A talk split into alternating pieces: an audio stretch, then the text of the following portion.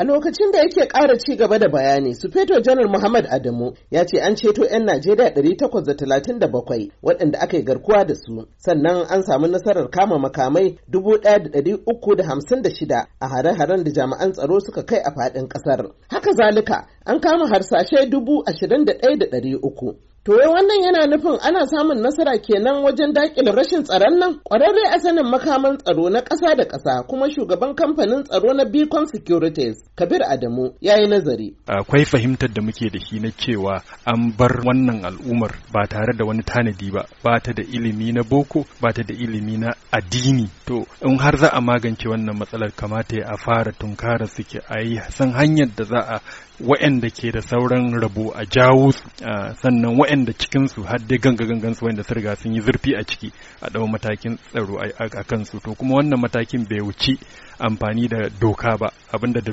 turanci ake ce ma criminal justice system. Shi mai laifi a kama shi a hukuntar da shi ta shari'a. Komai ƙarfin sojan da za ka yi amfani da shi ko amfani da 'yan sanda idan har baka kama mai laifi ba ka gabatar da shi gaban kotu.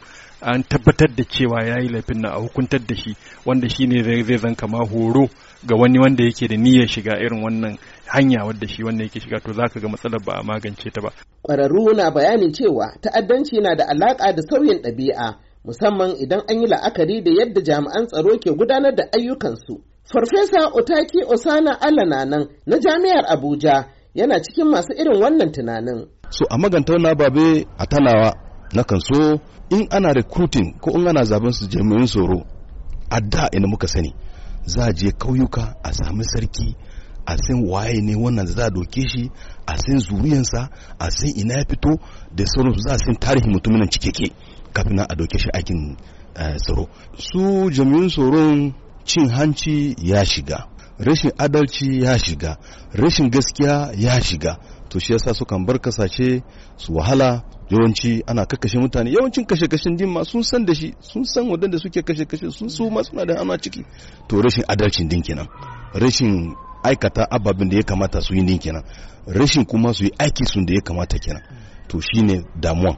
To sai dai a lokacin da yake nazarin yadda za a daƙile matsalar tsaron a ƙasar nan da ma nahiyar baki ɗaya tsohon shugaban hukumar wayar da kan al'umma ta ƙasa dr mike omeri ya ce akwai gazawa a fannin shugabanci. Wato shugabanci tana da abin da ya kamata ta yi a wannan harkar. Kuma abin da nake nufi shine ko martanin da muke bayarwa da sauran maganganun da muke yi muna yin sa a karkace kuma ba ma yin sa a coordinated. Wato dukkanmu a ce muna magana da murya ɗaya.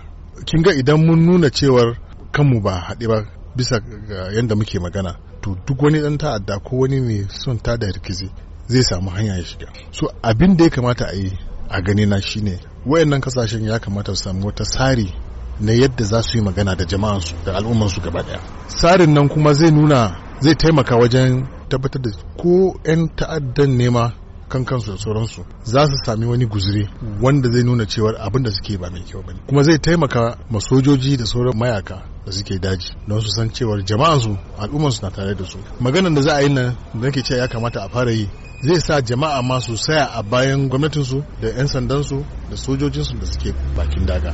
So wannan kuma ba wani abu ne mai wahala ba idan ainiya a yi shi. Manya-manyan ƙasashen duniya suna da irin wannan tsari. Mu ne a najeriya babu. Yanzu ma muna ƙoƙari kenan da wasu yan uwana masu wanda suke da experience sauransu mu ga cewa an taimaka an fito da irin wannan kundin tsarin da zai sa mutane zai taimaka wajen wayar da kan jama'a akan abin da kamata su yi in ba ba wannan sha'anin tsaro yana nema ya hana mutane zuwa gona Madina Dauda, sashen Hausa na muryar Amurka daga Abuja, Najeriya.